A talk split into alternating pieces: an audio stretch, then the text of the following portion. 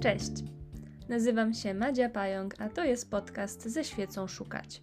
Jestem researcherką i genealożką, a w tym podcaście mówię o wszystkim, co związane z researchem i informacją. Serdecznie Cię zapraszam.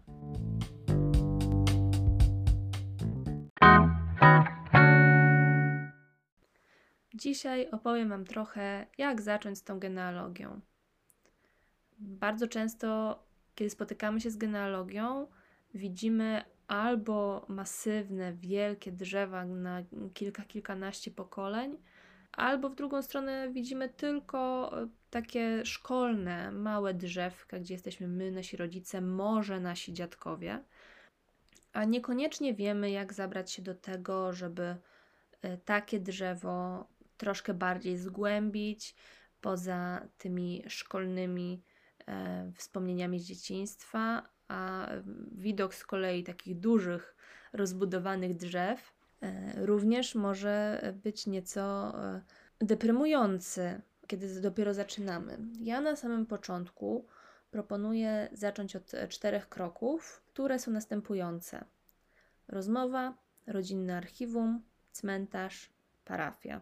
Teraz powoli opowiem o każdym z tych czterech e, etapów. Pierwszym etapem jest rozmowa, Zasadniczo polecam rozmawiać z każdym członkiem rodziny, który kojarzy starsze pokolenie, dziadków, pradziadków. E, wartościowa jest zawsze rozmowa z najstarszym członkiem rodziny, który siłą rzeczy pamięta najwięcej. Mm, natomiast e, nie skupiałabym się tylko na tym. Jeśli wiemy, że e, na przykład ciocia albo wujek może dodać coś ciekawego, albo po prostu jakiś inny ogląd na historię, którą opowiada babcia, nie rezygnujmy z tego. Zbierajmy informacje od każdej osoby, która chce rozmawiać i zapisujmy je w jednym miejscu. Pytajmy o ogólną historię rodziny, skąd jesteśmy, skąd się tu wzięliśmy, y, dlaczego tu przyjechaliśmy, ale też o y, konkretne osoby. Więc możemy zacząć od y, życia konkretnych osób, właśnie od osoby dziadka, babci czy cioci, mm, z którymi rozmawiamy. Nie, jeśli chcą, niech opowiedzą nam o swoim życiu. E, a potem możemy coraz bardziej się cofać, w zależności od tego, jaka jest pamięć na temat różnych osób i różnych wydarzeń w rodzinie. Musimy wziąć pod uwagę, że nie zawsze osoby chcą rozmawiać, nie ma w tym nic złego.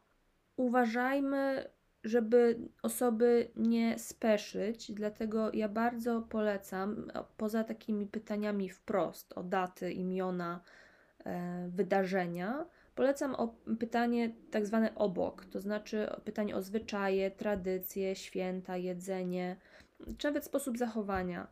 Unikam pytań tendencyjnych, bo mogą nam zaburzyć nasz research i mogą też sprawić, że e, osoby, z którymi rozmawiamy, mogą niekoniecznie chcieć udzielić nam odpowiedzi, jeśli poczują, że coś implikujemy, a dla nich jakieś implikacje mogą nie być komfortowe. Dlatego e, przygotujmy się, że być może pierwsza rozmowa nie będzie udana, możemy się wielu rzeczy nie dowiedzieć, a być może trafimy w ogóle na ścianę i ktoś nie będzie chciał w ogóle z nami rozmawiać.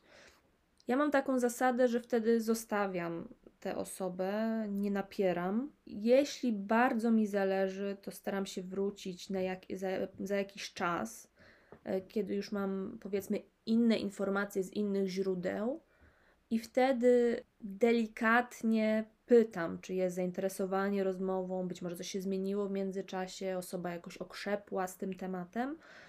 I też pokazuję to, co znalazłam, bo e, to również e, może różne wspomnienia odblokować, pozwolić e, się zrelaksować. Też pytania o te zwyczaje, święta, tradycje i sposób zachowania są świetne pod tym względem, że nie tylko dają nam kontekst sytuacyjny i pozwalają e, wyhaczyć różne e, ciekawe sytuacje, czy jakieś dodatkowe warstwy, o których może niekoniecznie się mówiło, ale się obchodziło. Tutaj mam na myśli e, tradycje związane z religią czy wyznaniem, czy kuchnia sugerująca e, wpływy z jakichś terenów, które niekoniecznie muszą się od razu przekładać na e, genealogię danej rodziny i to, że w jakimś domu pojawiały się potrawy z jakiegoś regionu, nie sugeruje, że ta rodzina musiała być z tego regionu, ale zdarzają się takie sytuacje, że, że osoba miała jakieś doświadczenia z, na przykład z innymi rodzinami z danego regionu. Więc tutaj warto obudowywać to w kontekst. Dzięki temu e, poznajemy osoby, które badamy. To już nie są tylko daty i nazwiska, są osoby, z którymi coraz więcej nas łączy, bo mamy coraz więcej informacji na ich temat. Siłą rzeczy z drugiej ręki, ale e, mimo wszystko e, od osób, które je znały lub przynajmniej wiedziały o nich trochę więcej. Takie podejście ma też plus, y, jeśli pytamy na przykład o dzieciństwo dziadków, bardzo często takie pytanie powoduje y, relaks u osoby, z którą rozmawiamy, powoduje rozluźnienie. Takie rozluźnienie sprawia, że dowiadujemy się więcej, bo osoba chętniej, zazwyczaj chętniej opowiada o swoim dzieciństwie, o swojej młodości, o swoich rodzicach. A jeśli osoba jest zrelaksowana przy rozmowie z nami, wpływa to również na to, że więcej rzeczy potrafi sobie przypomnieć. Jeśli zapytamy zbyt inwazyjnie, zbyt wprost i jeszcze w sposób, który może sugerować odpowiedź, wiecie, takie pytanie z tezą, e, osoba się może totalnie zablokować. Nie tylko dlatego, że coś ukrywa przed nami, nie chce nam czegoś powiedzieć, ale po prostu, że czuje, że y, oczekujemy od niej czegoś, czego ona nie jest w stanie dać, bo na przykład nie pamięta, a w momencie, kiedy trochę zelżymy, odpuścimy, pójdziemy w lewo albo w prawo, nie będziemy tak naciskać na wprost, ta osoba może sobie przypomnieć dokładnie to, o co pytaliśmy, czego chwilę wcześniej nie była w stanie e, zapamiętać. E, więc pod tym względem naprawdę radzę, żeby to była e, spokojna rozmowa przy kawie, przy herbacie. Twoim zadaniem nie jest e, przepytanie i e, detektywistyczny wywiad e, z osobą. Twoim zadaniem jest zebranie wszystkiego, co słyszysz i przeanalizowanie tego. Zbudowanie w pewnym sensie może i profilu psychologicznego danych osób, zbudowanie ich historii, zebranie w jednym miejscu i przeanalizowanie, co możesz wyciągnąć z tych informacji. I być może zdarzy się, że coś cię w tych historiach szczególnie zainteresuje, coś ci nie będzie pasować, więc y, Twoim zadaniem jest sprawdzić, dlaczego ci nie pasuje. Na pewno y, nie powinniśmy w tym momencie w jakimś sensie atakować osoby, z którą rozmawiamy, że powiedziała nam coś, a tutaj nam coś nie pasuje, bo prawdopodobnie ta osoba też y, dostała jakiś przekaz. Więc w momencie, kiedy czujemy, że coś nam nie pasuje, nie wyładowujemy się na osobie, z którą rozmawiamy, tylko i Zapisujemy to sobie, żeby zwrócić na to szczególną uwagę w dalszych etapach. Czyli to był pierwszy etap rozmowa. Drugim etapem, który w praktyce bardzo często może się rozgrywać na równi z pierwszym etapem, w zależności od tego, ile trwają nasze rozmowy z bliskimi i kto ma różne dokumenty, ale drugi etap jest e, etapem przeglądania eksploracji rodzinnego archiwum. Jeśli uważacie, że nie macie rodzinnego archiwum, radzę się zastanowić, bo jest prawdopodobieństwo, że Wasza rodzina ma archiwum, tylko że nie jest ono u Was i ktoś takie archiwum prowadzi mniej lub bardziej e, świadomie. Ewentualnie e, po prostu te dokumenty są, ale nie wiadomo, co się z nimi dzieje, i tym bardziej polecam się tym zainteresować. Co mam na myśli, mówiąc o domowym archiwum? To są przede wszystkim dokumenty metrykalne, e, akta stanu cywilnego, które e, w tym momencie każdy z nas ma, więc y, jeśli macie dzieci, to na pewno te wasze dzieci mają mm, akta urodzenia. Wy też powinniście mieć gdzieś swój akt urodzenia, tak samo akt ślubu. W domu powinny być również akty, akta zgonu osób, których już y, niestety z nami nie ma. Więc to są podstawowe y, dokumenty, które w, w każdym archiwum powinny być. Jeśli nawet Wam się wydaje, że jakichś dokumentów nie macie, zapytajcie, bo może jeśli Wy nie macie, to jakaś ciotka czy wujek mają na przykład tak może być z aktami zgonów. Kiedy ktoś e, w rodzinie zmarł, to akt zgonu e, był potrzebny na, na urlop, na pogrzeb, więc e, być może jest szansa, że ktoś taki dokument ma. U mnie w domu jest taki dokument śmierci mojego wujka. Więc popytajcie, posprawdzajcie. Czasami te dokumenty leżą po prostu, wiecie, na dnie szafy. Więc jeśli tak jest, to zaopiekujcie się nimi zróbcie sobie osobny czy segregator, czy pudło. To są bardzo przydatne dokumenty jeśli nie tylko pod względem takim pamiątkowym dla Was w domu, to też się mogą potem przydać w kwestiach właśnie dziedziczenia, takich rzeczy. Y, oczywiście, jeśli w ogóle nie ma dokumentów w domu, można wystąpić o nie do Urzędu Stanu Cywilnego y, i y, wtedy one są odpłatnie udostępniane. Natomiast trzeba pamiętać, że to się tyczy ostatnich 100 lat, więc jeśli wasz dziadek czy pradziadek urodził się w 1913 roku na przykład, tak jak mój, to nie dostaniecie odpisu aktu urodzenia, bo to już jest poza, poza okresem, który interesuje urzędy stanu cywilnego. Tu może być e, kilka odstępstw, o tych odstępstwach innym razem, e, natomiast e, głównie interesuje nas ostatnie 100 lat, jeśli chodzi o odpisy z mm, Urzędu Stanu Cywilnego. Starsze są dostępne w archiwach. Ale to już jest kolejny, kolejny etap poszukiwań. W rodzinnym archiwum możecie również znaleźć księgi meldunkowe, możecie znaleźć wszelkie papiery, dowody osobiste, paszporty, Mm, legitymację. I polecam to zbierać w jednym miejscu. Jeśli rzeczywiście chcecie pracować nad genealogią, to zrobić takie osobne przegródki dla każdej osoby. Najpierw przede wszystkim przejrzeć, co jest czyje, gdzie jest, zadbać o to.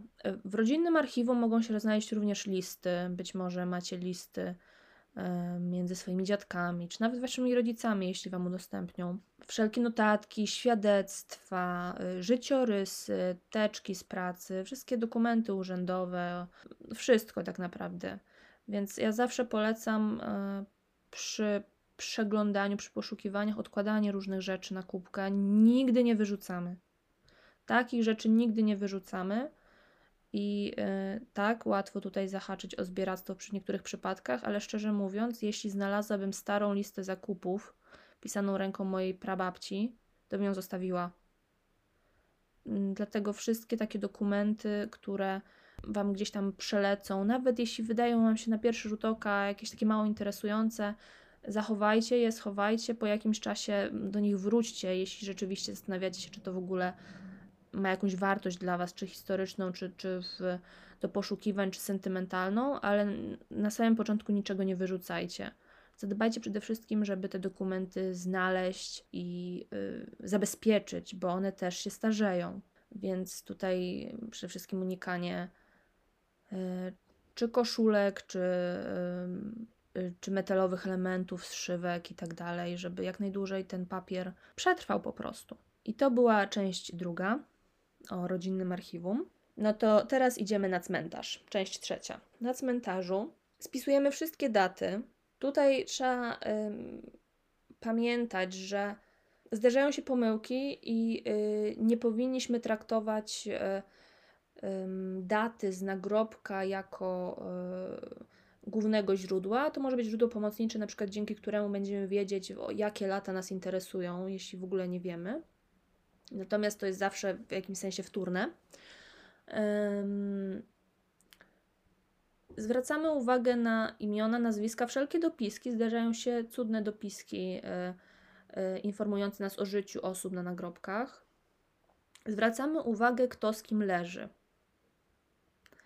E, zazwyczaj leżą ze sobą małżonkowie, ewentualnie ich dzieci lub ich rodzice, ale nie zawsze tak jest. A czasami się może zdarzyć, że w jednym grobie leżą dwie osoby i nie wiemy, jaka jest między nimi relacja, więc e, to jest dobry moment, żeby to sprawdzić, e, czy to na przykład e, było małżeństwo, czy na przykład kolejne małżeństwo danej osoby. Na przykład, jeśli widzimy, że z babcią leży jakaś osoba, o której nie wiemy, kim jest, więc zwróćmy na to uwagę. W przypadku niektórych cmentarzy, niektórych, niektórych grobów warto się szczególnie zainteresować, e, kto leży wokół. To znaczy, jakie jest sąsiedztwo, bo zdarza się, że są nagrobki, e, no niekoniecznie grobowce rodzinne, ale w jednym rzędzie są nagrobki osób z tej samej rodziny, pod tym samym nazwiskiem, więc warto też to zbadać, czy nie ma tutaj jakichś połączeń. I z cmentarza jest już całkiem blisko na parafię. Parafia e, daje nam dostęp do dokumentów e, metrykalnych. Jeśli nie mamy dokumentów z Urzędu Stanu Cywilnego, to po pierwsze, ale po drugie, e, Nie wszystko znajdziemy w urzędzie, nie wszystko znajdziemy w archiwum, e, a część rzeczy możemy znaleźć w archiwum parafialnym, więc polecam nie skupiać się tylko na jednym rodzaju archiwów, tylko rzeczywiście korzystać ze wszystkich.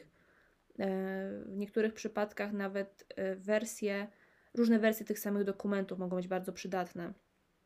Musimy pamiętać, że są różne, y, są różnice w zależności od terytorium, natomiast y, zasadniczo zasada była taka, że dokumenty metrykalne sporządzano w dwóch wersjach i y, jedna wersja zostawała w parafii, a kopie dokumentów metrykalnych powinny zostać przekazane do archiwum diecezjalnego.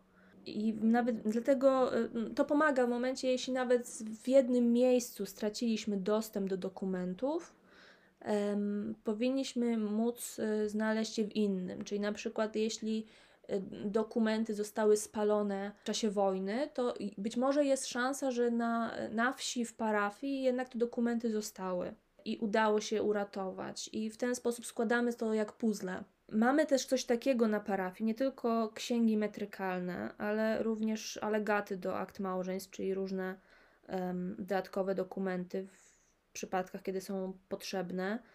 Um, mamy również coś takiego, co się może nazywać status animarum albo spisem dusz, czyli spis mieszkańców parafii. Dokumenty dotyczące e, komunii, bierzmowania, więc tutaj, jeśli tylko są dokumenty w parafiach i, i i, i, i jesteśmy w miarę blisko tego miejsca, mamy kontakt z miejscem, gdzie jest parafia, e, która obejmowała miejsce, z którego są nasi przodkowie. Jest to świetne i w miarę na wyciągnięcie ręki źródło informacji. E, niestety są sytuacje, kiedy dostęp do archiwów parafialnych jest utrudniony ze względu na obstrukcję ze strony księdza. Niektórzy księża przeszkadzają w dostępie do takich e, dokumentów, natomiast zdarzają się też parafie, gdzie ten dostęp jest e, bezproblemowy. No niestety tu wynika, e, wynika to z różnic między funkcjonowaniem archiwów kościelnych, archiwów państwowych w Polsce, to też jest kolejny, kolejny temat. W każdym razie na pewno warto się przejść i poszukać e, dokumentów dotyczących naszych, naszych rodzin, szczególnie kiedy trochę stoimy w miejscu, na przykład taki status animarum pozwoli nam sprawdzić, kto mieszkał z kim, e, gdzie, jak, kto był czyim dzieckiem, czy ktoś się gdzieś przeprowadził. Takie informacje też tam mogą być, więc bardzo polecam się z nimi zapoznać. I to są te cztery pierwsze etapy, które e, już, już są dość rozbudowane, szczerze mówiąc. Musimy już wyjść z domu na cmentarz czy do parafii. Natomiast y, jest to dobry start na sam początek poszukiwań genealogicznych. E, zazwyczaj też wtedy się orientujemy, czy rzeczywiście y, zależy nam na tyle, żeby to robić. Jeśli po jakimś czasie stwierdzisz, że jednak nie chcesz tego robić, nie ma w tym nic złego. Pamiętajmy, że genealogia to są emocje. Może się zdarzyć, że coś będzie dla nas za trudne, że dowiemy się czegoś, czego się nie spodziewaliśmy i będzie nam się trudno z tym uporać i nie ma w tym absolutnie nic złego. E, czasami warto pewne rzeczy zostawić, nie szukać na siłę, nie próbować też wybielać na siłę. Nie o to chodzi warto dać sobie tę przestrzeń na to, że e, nasi przodkowie nie byli idealni. Takie podejście również może wymagać czasu. Genealogia powinna być mimo wszystko jednak przyjemnością, a nie czymś, co robimy wbrew sobie, próbując się usprawiedliwić czy przeprosić za coś, co robili nasi przodkowie. Chcemy się czegoś o nich dowiedzieć, ale nie chcemy sobie dodawać. Nie chcemy sobie dodawać jakichś trudności. Być może to nie jest ten moment, więc nie biczuj się, jeśli stwierdzisz, że jednak nie chcesz tego robić, czy potrzebujesz przerwy. Być może wrócisz po jakimś czasie, a być może nie. Natomiast daj sobie przestrzeń na to, że będzie dużo emocji i tych pozytywnych, i negatywnych pewnie też.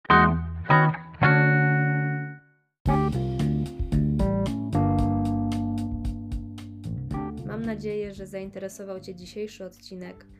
Bardzo Ci dziękuję za odsłuchanie tego odcinka. Jeśli chcesz ze mną porozmawiać na jego temat, możesz do mnie napisać na, na Instagramie, gdzie prowadzę profil o nazwie mmpajak. Możesz również napisać do mnie maila na adres kontakt mmpajak.pl. Serdecznie Ci dziękuję za wysłuchanie dzisiejszego odcinka i zapraszam Cię do usłyszenia następnym razem.